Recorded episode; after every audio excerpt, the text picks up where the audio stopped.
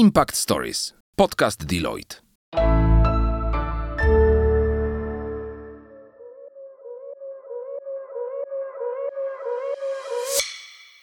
Cześć! Impact Stories powstało z myślą o studentach, którzy szukają inspiracji, chcą się rozwijać i poznawać świat biznesu od kuchni. Znasz zasadę nic o nas bez nas? My też.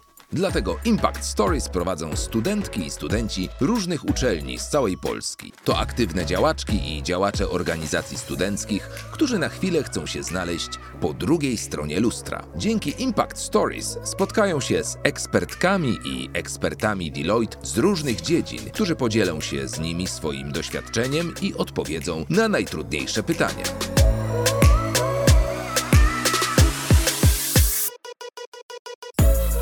Dzisiejszym odcinku usłyszycie ambasadorów Deloitte, Aleksandrę Książak, studentkę Szkoły Głównej Handlowej w Warszawie oraz Jakuba Kozień, studenta Uniwersytetu Warszawskiego. Ekspertami, z którymi porozmawiają są Monika Stołowska, dyrektorka HR w Deloitte oraz doktor habilitowany Piotr Wachowiak, profesor SGH, rektor Szkoły Głównej Handlowej w Warszawie. Tym odcinku poznacie różne perspektywy budowania ścieżki kariery oraz jak uczelnia i pracodawca odpowiadają na potrzeby młodego pokolenia. Posłuchaj Impact Stories.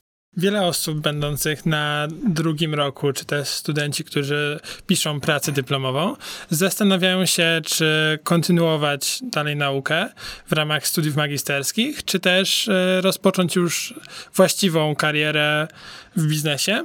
Chcielibyśmy poznać Państwa opinię na temat tego, czy się uczyć, czy już e, pracować. I zdajemy sobie sprawę z tego, że panu rektorowi będzie trudniej odpowiedzieć na to pytanie z racji pełnionej funkcji, dlatego prosimy o bardzo, jak najbardziej obiektywną odpowiedź. To zaczynamy od pana rektora i pan rektor zawsze mówi obiektywnie. Uczymy się przez całe życie, słuchajcie, i to jest ważne. To, że skończycie studia i myślicie, że już więcej się nie będziecie uczyć, to jest nieprawda. Dlatego też uważam, że dobrze jest połączyć i pracę zawodową, i ze studiami. Dlaczego? Dlatego, że tego też oczekuje rynek pracy. Rynek pracy, i tu pewnie pani dyrektor bardziej, bardziej o tym powie, oczekuje już młodych ludzi, którzy mają pewne doświadczenie w pracy zawodowej. Dlatego też na drugim stopniu ja nie zaniedbywałbym nauki, natomiast bym starał się pogodzić naukę, zdobywając doświadczenie zawodowe. Natomiast jeżeli ktoś chce kontynuować pracę naukową, to nie ma wyjścia. To musi podjąć y, naukę na studiach drugiego stopnia. Czyli rekomenduje na przykład pan, żeby studia drugiego stopnia były wieczorowe, żeby było łatwiej e, pogodzić e, studiowanie z pracą. Znaczy, mogą być studia niestacjonarne albo studia stacjonarne, ale na przykład tak jak na SGH jest elastyczny plan. Studenci i wybierają przedmioty, i wybierają wykładowców właśnie po to, żeby można w łatwy sposób pogodzić i studia z pracą zawodową. Ja bezwzględnie zgadzam się z panem rektorem, że y, uczenie się y, będzie nam towarzyszyło przez całe życie. Świat bardzo się zmienia, więc ci, którzy będą utrzymywać taką tą y, intelektualną ciekawość i dbać o ten rozwój i, i dokształcać się, na pewno będą bardzo cennymi i wartościowymi pracownikami na rynku. I myślę sobie, że studia są takim fantastycznym i niezwykłym czasem y, w życiu każdego człowieka. Y, I warto poświęcić im y, też wystarczającą ilość czasu. I muszę też powiedzieć, że my jako pracodawcy bardzo często weryfikujemy i patrzymy na młode osoby, jaką aktywność podejmowały w trakcie właśnie tego okresu, kiedy, kiedy się uczyły, i bardzo pozytywnie odbieramy takie profile i te, te osoby, które potrafiły tą aktywność akademicką połączyć z jakimiś dodatkowymi elementami elementami, czy to y, dodatkową działalność y, y, uczelnianą, czy właśnie łączenie tego z naszymi propozycjami, które są dostępne, tak jak chociażby bycie ambasadorem, kiedy już można dosyć wcześnie zaangażować się i, i, i sprawdzić, co nam się podoba, co nam się nie podoba i łączyć to stu, studiowanie z, ze zdobywaniem doświadczenia i weryfikowaniem, co jest dla nas najbardziej przydatne i co nam się najbardziej podoba. Ja bym chciał jeszcze zwrócić na jedną uwagę rzecz, a mianowicie, że cel jest bardzo ważny, ale także ważny jest sposób dojścia do tego celu. Mówi się, że droga dojścia do celu jest nawet ważniejsza niż sam cel.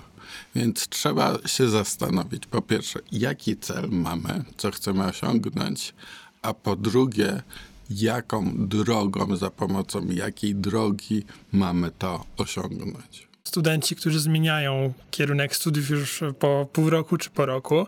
Jednak są takie sytuacje, że jesteśmy przekonani o tym, że, to, że decyzja, którą podjęliśmy na początku jest zła. I co w takiej sytuacji powinniśmy zrobić? Czy starać się za wszelką cenę skończyć e, kierunek, czy jednak Nie, nie, nie, nie. Jeżeli, jeżeli widzimy, że to nam nie odpowiada, to jednak przed podjęciem ostatecznej decyzji powinniśmy tą decyzję skonsultować z osobami, które mają większe doświadczenie. Bo może te osoby nam przeko- nas przekonają, że na przykład teraz ci to nie odpowiada, ale zaraz zobaczysz, będą fajne przedmioty, przedmioty, które ciebie zainteresują, e, będą specjalizacje, które ciebie zainteresują. Natomiast jeżeli stanowczo nie odpowiada nam ten kierunek, no to oczywiście nic strasznego się nie dzieje, tylko trzeba ten kierunek, e, to trzeba to, to zmienić. To myślę, że czy zmiana kierunków, czy zmiana pracy, to tak naprawdę y, y, wszystko zależy, jaka za tym stała motywacja i jakie jest uzasadnienie dla tej zmiany. Są różne y, sytuacje życiowe, osobowe, osobiste, które wpływają na to, że musieliśmy podjąć jakąś decyzję. I jeżeli to jest taki jasny argument, który wskazuje rzeczywiście właśnie, że to była odpowiedzialna decyzja, przemyślana decyzja, która zbliżyła do pewnego kierunku, czy tego miejsca, w którym chcielibyśmy być, no to to jest w porządku, tak? Y, ile ludzi, tyle jest historii. Myślę, że tak y, y, chyba bym wokół tego cały czas oscylowała. Nie ma jednej słusznej odpowiedzi, ani jednej y, y, słusznej ścieżki, tak? Y, Są lekarze, którzy po bardzo trudnych studiach zmieniają swoją ścieżkę, a poświęcili się i zdobyli ogromną wiedzę, a potem się wspaniale realizują w biznesie, a są też osoby dorosłe, które postanawiają zmieniać y, swoją dotychczasową, dotychczasową ścieżkę, więc myślę, że to wszystko zależy od tego, co stoi za tą historią.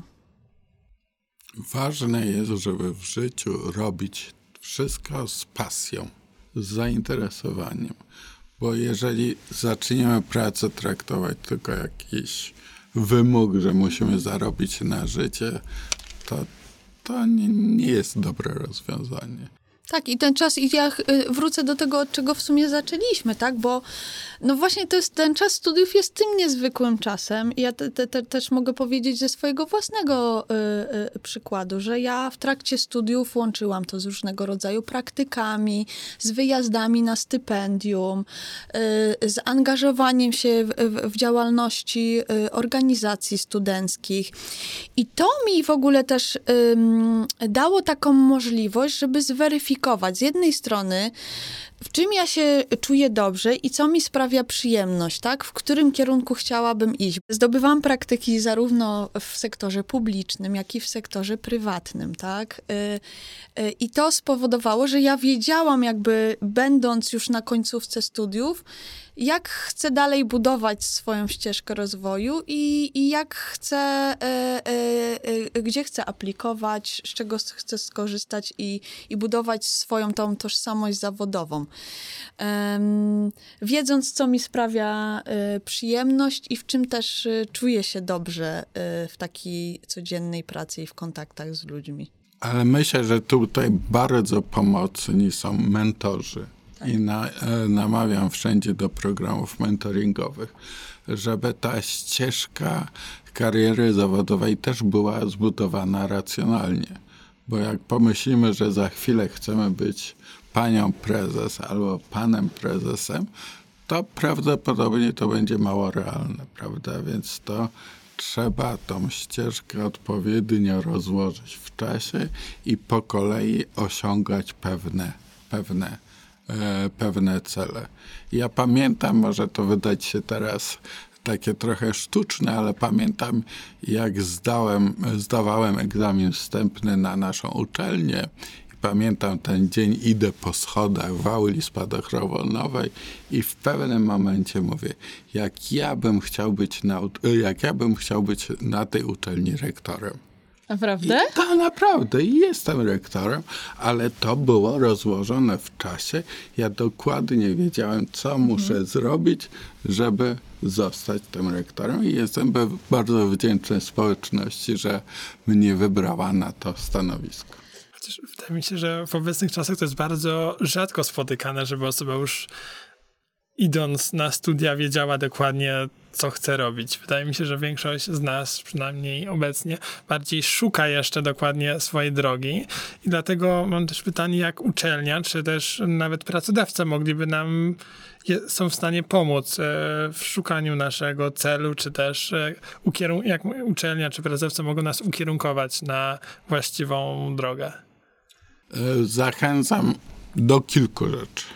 Po pierwsze, do kontaktów z mistrzami, czyli z nauczycielami akademickimi, żeby sobie wybrać taką osobę, która u Państwa ma autorytet, cieszy się tym autorytetem. Zawsze my jesteśmy otwarci i chętnie, e, chętnie doradzamy. Po drugie, na każdej uczelni działa sprawnie biuro karier, gdzie są też wyspecjalizowane osoby, też można skorzystać z biura karier. Po trzecie, to co mówiła e, pani dyrektor, staże w różnych firmach, żeby spróbować właśnie w jednej firmie, może w drugiej firmie, żeby poznać e, różne e, kultury organizacyjne. I myślę, że to są te dobre praktyki, gdzie można sobie potem zaplanować, co byśmy chcieli e, robić w życiu. A jeszcze ważna jest jedna kwestia, żeby sobie zrobić taki bilans, jak byliście dziećmi, robiliście bilans, czy rodzice dwulatka, trzylatka i tak dalej, i tak dalej. Czyli zrobić sobie bilans osoby młodej. Zobaczyć, jakie mamy mocne strony, jakie mamy słabsze strony co jest takim naszym wyróżnikiem, co powinniśmy pielęgnować, bo nie ma osób, które nie mają mocnych stron. My wszyscy mamy mocne strony, tylko powinniśmy koncentrować się na tych swoich mocnych stronach, je pielęgnować i zobaczyć. Mam takie i takie mocne strony, wobec tego mogę osiągnąć to i to. Zachęcamy jako pracodawca do korzystania z, naszych, y, z naszej oferty, która jest bardzo bogata, chociażby y, patrząc na Deloitte, Case Academy, którą prowadzimy, programy praktyk, y, pracy, różnego rodzaju projektów, które można wspólnie realizować, laby technologiczne, w zasadzie we wszystkich funkcjach i we wszystkich obszarach dajemy taką możliwość, żeby studentom różnych uczelni i różnych kierunków, bo to nie kierunek determinuje to, czy wybierzemy daną osobę i zaprosimy ją do nas, ale właśnie mm, e, e, ta ciekawość, otwartość, zaangażowanie i poszukiwanie doświadczeń wpływa na to, czy daną osobę zaprosimy do, do współpracy z nami. A czy jeśli na przykład wiemy, że jesteśmy dobrzy w jakichś przedmiotach, to czy, czy powinniśmy się skupić na nauce, czy jednak zadbać również o te umiejętności takie miękkie, to znaczy sztuki, sztukę autoprezentacji, Nie, czy też na przykład umiejętność negocjowania, marketingu? Wie pan, to akurat do mnie pytanie jest bardzo dobre, bo ja uczę i negocjacji, uczę i sztuki prezentacji, uczę i kierowania e, zespołami projektowymi. Oczywiście umiejętności miękkie są bardzo twarde. Ja nie chcę, żeby to zabrzmiało dziwne i dziwnie żeby ktoś powiedział, że rektor namawia do złych rzeczy, ale wiedzę zawsze można uzupełnić. To jest po pierwsze. Po drugie, wiedza się zmienia. Trzeba umieć poszukiwać informacje, przetwarzać, analizować i tego uczymy. Natomiast trzeba wyposażyć studentów w umiejętności również miękkie. Dlatego pani doskonale wie, jako nasza studentka, że hasło SGH to jest SGH kształtuje liderów. Proszę zobaczyć, nie kształci liderów, tylko kształtuje. Czyli my wyposażamy w wiedzę, my wyposażamy w przydatne umiejętności, a też dajemy możliwość zdobywania doświadczenia, a też kształtujemy studentów wokół tych wartości. Ja myślę, że te wartości teraz są bardzo ważne. Przecież coraz więcej firm zarządza przez wartości. Właśnie mówi, u nas są takie, takie i takie wartości. Czy wy pasujecie do tych wartości? Czy wy razem z nami będziecie przestrzegać tych wartości, pielęgnować te wartości? To jest bardzo ważne. Czy one są bliskie i spójne? Ja w Tak. ogóle nawet nie lubię tego określenia miękkie umiejętności, przyznam szczerze. E, e, to są społeczne umiejętności, które są bardzo nam potrzebne w życiu codziennym i, i, i w takim dobrym i efektywnym funkcjonowaniu i społecznym, i w organizacji. E, e, nie da się teraz e, e, osiągnąć e, wiele, nie umiejąc sprawnie się komunikować, pracując w grupie. E, To wszystko jest naprawdę niezbędne. W dobie bardzo szybkich zmian, tej dy- dysrupcji technologicznej i tego, e, co odróżnia nas e, e, od sztucznej inteligencji, no to, to, to są te nasze kompetencje społeczne związane właśnie z komunikacją, z adaptacją, z empatią, tak, właśnie z tą pracą, z tą pracą grupową.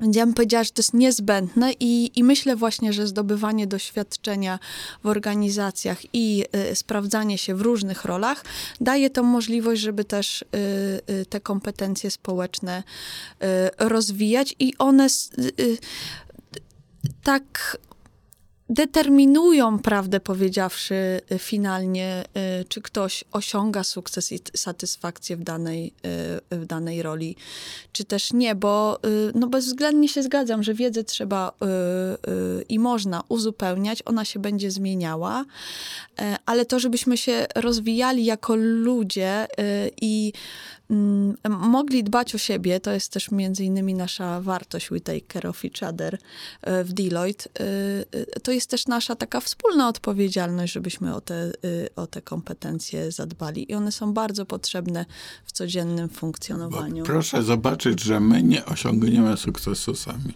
Tak. My osiągamy sukces tylko dzięki temu, że umie, umiemy współpracować z innymi osobami.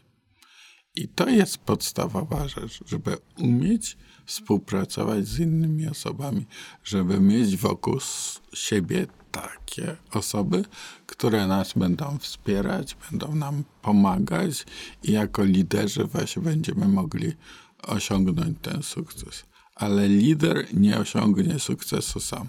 Musi mieć do tego zespół, dobry zespół współpracowników. Ja myślę, że wszyscy się zgodzimy, że tak, działalność w organizacjach studenckich jest bardzo ważna i daje wiele możliwości, ponieważ nie tylko można zdobyć nowe znajomości, czy też sprawdzić się już w roli organizatora, lidera też mniejszej grupy, ale też pokazuje pracodawcy, że jesteśmy ambitni, że się angażujemy, robimy coś więcej.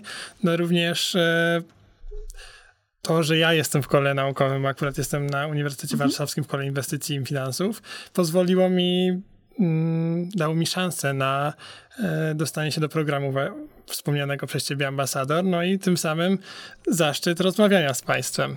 Ale też mam pytanie, czy czy powinniśmy wybrać jedno koło naukowe i w nim się rozwijać, e, związać się z tą grupą, czy też e, być członkiem wielu? Je, jeżeli, proszę Państwa, działamy, to musimy to robić z zaangażowaniem. Oczywiście, jak będziemy w kilku kołach naukowych, to na pewno nie będziemy to robili w takim, z takim zaangażowaniem, jakbyśmy robili to z zaangażowaniem, będąc w jednym e, kole naukowym. Szczególnie, że koła naukowe, przynajmniej na SGH, ale myślę, że na innych uczelniach, są bardzo aktywne.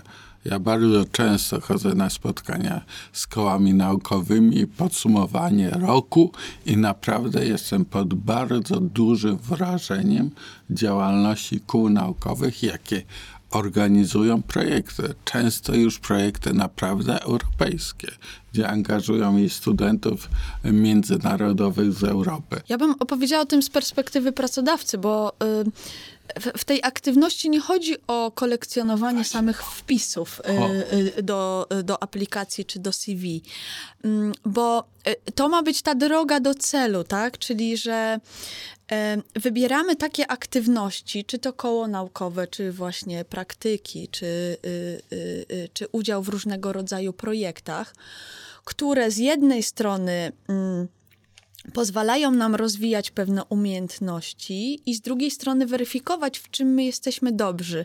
A nie da się tego robić tak, powiedziałabym, y, mm, tylko trochę, tak? Ja sobie też tak myślę, że to nie jest taki łatwy moment. Y, To jest bardzo przyjemny bycia studentem, niezwykły y, okres, ale nie też taki łatwy z punktu widzenia właśnie tych wszystkich dylematów, które, y, które wam towarzyszą z punktu widzenia dalszych wyborów, więc tym bardziej zachęcam do tego, żeby właśnie korzystać z różnych opcji.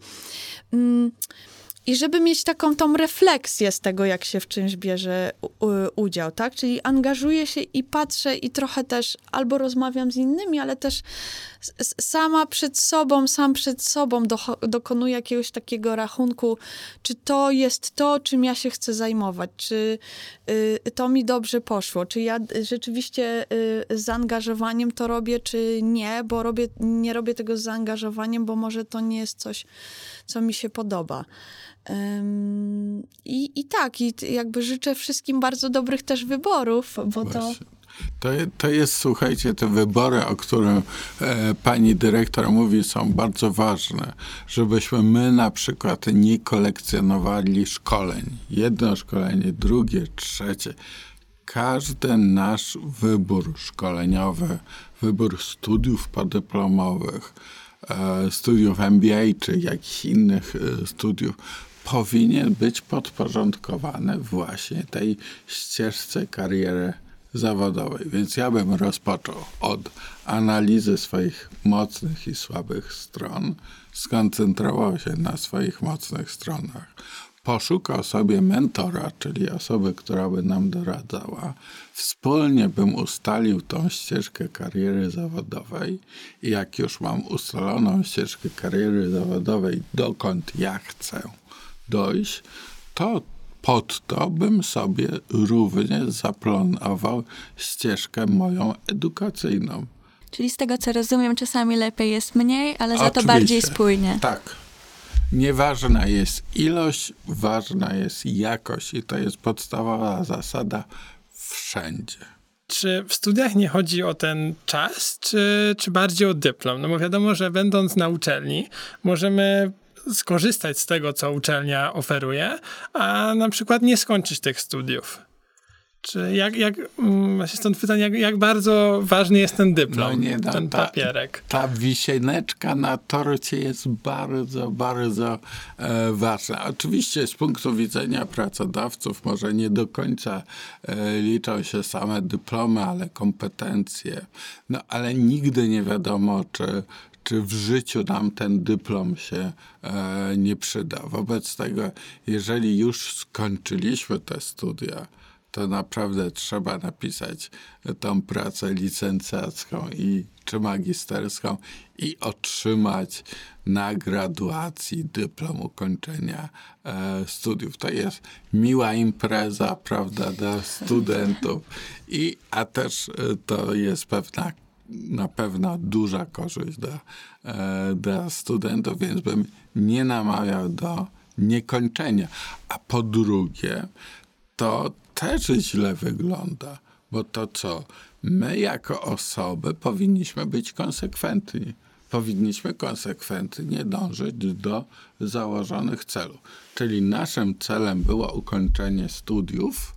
My nie robimy dyplomu, nie piszemy pracy magisterskiej czy licencjackiej, czyli co, my nie jesteśmy konsekwentni. Z punktu widzenia pracodawcy rzeczywiście to y, umiejętności i doświadczenie są y, kluczowe. Oczywiście są takie obszary czy zawody, gdzie kwalifikacje formalne również mają znaczenie.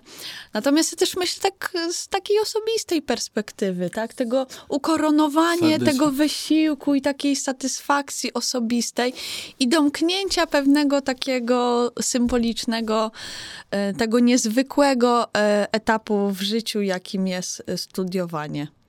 A co na przykład ze studiowaniem dwóch kierunków równolegle? Na przykład nasz Uniwersytet Warszawski daje taką możliwość. Można sobie tak ułożyć plan, że na dwóch wydziałach można równolegle studiować. Czy, czy warto tak robić? Myślę, że warto. Znaczy, jak na dwóch, to warto, a jak już na trzech, to bym e, się zastanawiał, czy rzeczywiście to jest, e, to jest potrzeba. Szczególnie jeżeli to są e, kompetencje uzupełniające. Na przykład połączenie zarządzania z psychologią, czy połączenie zarządzania z prawem to ja uważam, że takie połą- połączenia są bardzo, bardzo dobre, bo można uzyskać e, szersze e, kompetencje. No bo na przykład jak specjalizujemy się e, tu w zarządzaniu kapitałem ludzkim i dołożymy do tego sobie psychologię, no to wspaniały specjalista od, od pracowników, od kadr. A czy takie studiowanie dwóch zupełnie różnych kierunków, które w żaden sposób się ze sobą nie łączą, ma jakiś sens? To inne jest pytanie, po co? Jak jest cel i my do tego celu, który chcemy dążyć, nam są potrzebne te dwa kierunki. Bo na przykład naszym celem jest, żeby być osobą bardzo kreatywną i chcemy rozszerzyć swoje horyzonty e, myślowe. To bardzo dobrze. e, Na przykład studiować powiedzmy, żebym ciągle nie mówił o zarządzaniu, ekonomię i historię sztuki. Prawda? Ale no w życiu wszystko musi mieć jakiś, jakiś cel. Tak, ja myślę też, że z perspektywy pracodawcy, tak, to, to, to jest to samo jak, znaczy, czy to jest kolekcjonowanie wpisu, czy to jest jakiś przemyślany y, y, y, plan, albo nawet przemyślany sposób na weryfikację, w to, to w którą stronę chcę y, zmierzać, tak, bo no pozwolę sobie tutaj powiedzieć, może to nie będzie zbyt popularne, ale mi się zdarzało spotykać studentów, którzy mówią, o, bo ja mam dwa kierunki, studiowałem i nie mogę znaleźć pracy, nikt mnie nie chce przyjąć, Ale to nie tak? po SGH. No może oczywiście oprócz SGH, że się dostanie tą pracę, ale to nie jest gwarancją, że jeżeli skończyłem dwa kierunki, to ja od razu będę mieć pracę. To, to, to tak jak mówię, to my pracodawcy patrzymy jakby na, na całość, tak? I na tą sensowność i, i, i, i spójność i motywację osoby, która, e, która ma do nas e, dołączyć. A wracając do tego kolekcjonowania wpisów w CV, czy powinniśmy wpisywać do CV na przykład jakieś takie prace typowo zarobkowe, w stylu praca w gastronomii podczas studiów, czy raczej skupiamy się tam tylko na rzeczach, które są nam e, potrzebne do naszej takiej już pewnej ścieżki kariery? W sensie na przykład e, działalność w organizacjach studenckich w odpowiednich działach. Tylko rzeczy, które tam pasują. I może też, czy warto w ogóle podejmować taką pracę zarobkową niezwiązaną z, z przyszłym zawodem, jeśli nie mamy takiej konieczności? ludzie mają różne sytuacje. Ja w ogóle z takim y, ogromnym podziwem i szacunkiem, jeszcze większym myślę niż do tych osób, które po, po prostu stać je na to, żeby, żeby studiować i mają tą komfortową sytuację, że podejmują tą działalność zarobkową po to, żeby zarobić na to, żeby się utrzymać na studiach i łączą to właśnie z edukacją i są zdeterminowani. Więc jakby w tym sensie to bardzo pozytywne jest y, y, mm, dla pracodawcy, tak, że, że to jest osoba, która y, potrafiła dla rea- realizacji celów znaleźć odpowiednią ścieżkę y, i też y, łączyć tą pracę zarobkową ze studiowaniem, tak, to to jest dla mnie pozytywne. Y, I teraz jeśli chodzi o wpisy do CV, to bardzo zależy od tego, jakby y, jaką rolę i, i na jaką pozycję aplikuję, tak, bo y, y, to, to też y, nie wiem, jak sobie na przykład studenci wyobrażają, jak my przeglądamy aplikacje, y, y, jak y, y, aplikujecie na, na różne y, y, nasze propozycje, ale my. y, czy przygotowując ogłoszenie, to bardzo staramy się, żeby się tam znalazły takie mm, właśnie elementy i te umiejętności i takie doświadczenia, które pozwolą osobie zweryfikować, czy chce zaaplikować, czy to jest właściwe miejsce do, dla niej. I potem osoba, która aplikowała, to patrzymy po CV, czy, ym, czy ta osoba włożyła wysiłek i zastanowiła się i właściwie wyselekcjonowała informacje, które e, pokazują ją jako odpowiedniego kandydata do, e, do danej pracy, tak? I jeżeli em, to jest, y, nie wiem, praca, gdzie jest ważna y, y, takie y, y, y, umiejętności przedsiębiorcze, czy, czy właśnie umiejętności łączenia y, wielu aktywności naraz, no to być może to jest korzystny wpis tej pracy. Jeżeli to stanowiło istotny element i chcemy pokazać, także y, potrafimy y, z determinacją realizować swoje plany i osiągać cele i znajdujemy na to sposoby, to to również jest pozytywne, więc y, bardzo za każdym razem przygotowując dokumenty, nie szłabym, że mam jedno CV, jedno, y, jedne przygotowane dokumenty aplikacyjne, które wysyłam do każdego pracodawcy i w odpowiedzi na każdą ofertę. I zdaję sobie też sprawę jednocześnie, że jak się jest młodym człowiekiem, no to jeszcze tych doświadczeń nie ma się aż tak bardzo dużo, więc y, no można się zastanawiać, co tam, co tam wpisać, ale chyba tutaj wróciłabym do tego, co powiedzieliśmy. I jakość, i czasem mniej znaczy więcej, tak? Też wydaje mi się, że to jest bardzo trudne tak wybrać pracę, którą się wykonywało i dopasować ją do, e, do pewnej cechy, której oczekuje od nas pracodawca. Bo na przykład my możemy widzieć e, no nie wiem, na przykład korepetycję jako ciężką pracę i, i udzielanie się, um, współpracę z osobami, z którymi na przykład trudniej jest czasami współpracować, a pracodawca może, może to widzieć w zupełnie inny Ale sposób. tu właśnie dotyka pan y, bardzo ważnej sprawy, a mianowicie umiejętności uzasadnienia. Bo jeżeli my udzielamy korepetycji i uważamy, że to jest ciężka praca albo inna praca bardzo przydatna, to doświadczenie na tym stanowisku, to my musimy umieć to uzasadnić. Jeżeli my logicznie to uzasadnimy i powiążemy z tym stanowiskiem, dlatego ta matematyka jest ważna, jeżeli powiążemy z tym stanowiskiem, to my przekonamy e, pracodawcę, że rzeczywiście te korepetycje, czy udzielanie tych korepetycji było bardzo ważne i przydatne logiczne myślenie, uzasadnianie swoich stanowisk. To jest jeszcze jedna bardzo ważna umiejętność. Umiejętność uzasadnienia swojego stanowiska, bo my możemy mieć różne stanowiska.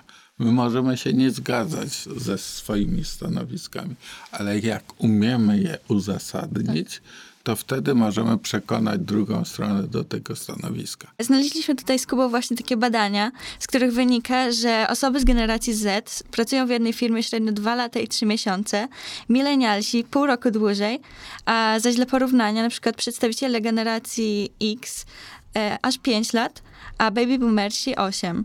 I jak właśnie e, pracodawcy zapatrują się na coś takiego? Na to, że e, osoby młode, osoby z generacji Z tak szybko skaczą pomiędzy, pomiędzy pracami, tak szybko zmieniają pracę. Ja myślę, że Deloitte jest takim doskonałym przykładem na e, organizację, która e, jest świetnym miejscem pracy dla e, każdego pokolenia. Mamy dużą reprezentację pokolenia milenialsów, pokolenia Z i, i mm, Deloitte tworzy możliwości i wręcz zachęca do tego, żeby można było zmieniać role i obszary, w których funkcjonuje e, dana osoba. Mamy pięć linii biznesowych i w tych pięciu liniach biznesowych e, e, można podejmować różnego rodzaju wyzwania i pracę i myślę, że szczególnie na tym, w tej y, pierwszej fazie y, pracy zawodowej, y, poszukując odpowiedniego miejsca i ścieżki, w której się chcemy specjalizować, to dobrze móc skorzystać z takich okazji. Mamy też program mobilności wewnętrznej, który też zachęca, umożliwia i ułatwia tą zmianę pracy pomiędzy poszczególnymi funkcjami, pomiędzy poszczególnymi obszarami i mamy dużo przykładów osób, które czy z audytu, czy z y, podatków y, przechodziły do obszaru konsultingu, y, czy z konsultingu przechodziły do mm, do tego obszaru Risk Advisory. Także te ścieżki są przetarte w Deloitte i mamy takie możliwości i tworzymy takie rozwiązania aktualnie w naszej organizacji. Mam pytanie, czy pani działa w jakichś kołach i jak pani w ogóle ocenia działalność studentów w kołach? Czy to jest przydatne, czy nie? E, tak, ja działam w dwóch kołach, w, CEMS Klubie Warszawa i w SKN Marketingu e, i uważam, że naprawdę wiele wyniosłam z działalności e, w tych dwóch organizacjach. Rekrutując się do swojej obecnej pracy, to była zasadnicza jedyna rzecz, którą poruszałam na rozmowie i ciągle mówiłam głównie o tym, czego się nauczyłam, co wyniosłam, e, jak potrafię teraz pracować w grupie, a także o projektach, e, które zrobiłam. A jaki interesujący projekt pani zrealizowała? Myślę, że taki najbardziej interesujący projekt to była konferencja dla stypendystów CEMS MIM z krajów Grupy Wyszehradzkiej i ona była y, tylko raz na trzy lata właśnie w Warszawie i, i miałam okazję być tam koordynatorem y, działki do spraw promocji. Czyli widzicie Państwo, potwierdza się to, co powiedziałem, że nasze koła naukowe działają wspaniale i bardzo często organizują również projekty międzynarodowe. Tak, i to, że potem te doświadczenia są cenne i pozwalają zdobywać kolejne istotne i wartościowe doświadczenia. Tak, bo nie ma jak zdobycie właśnie tych kompetencji społecznych, czyli umiejętności pracy w zespole, negocjacji, komunikacji, organizacji. organizacji. To wszystko jest bardzo ważne.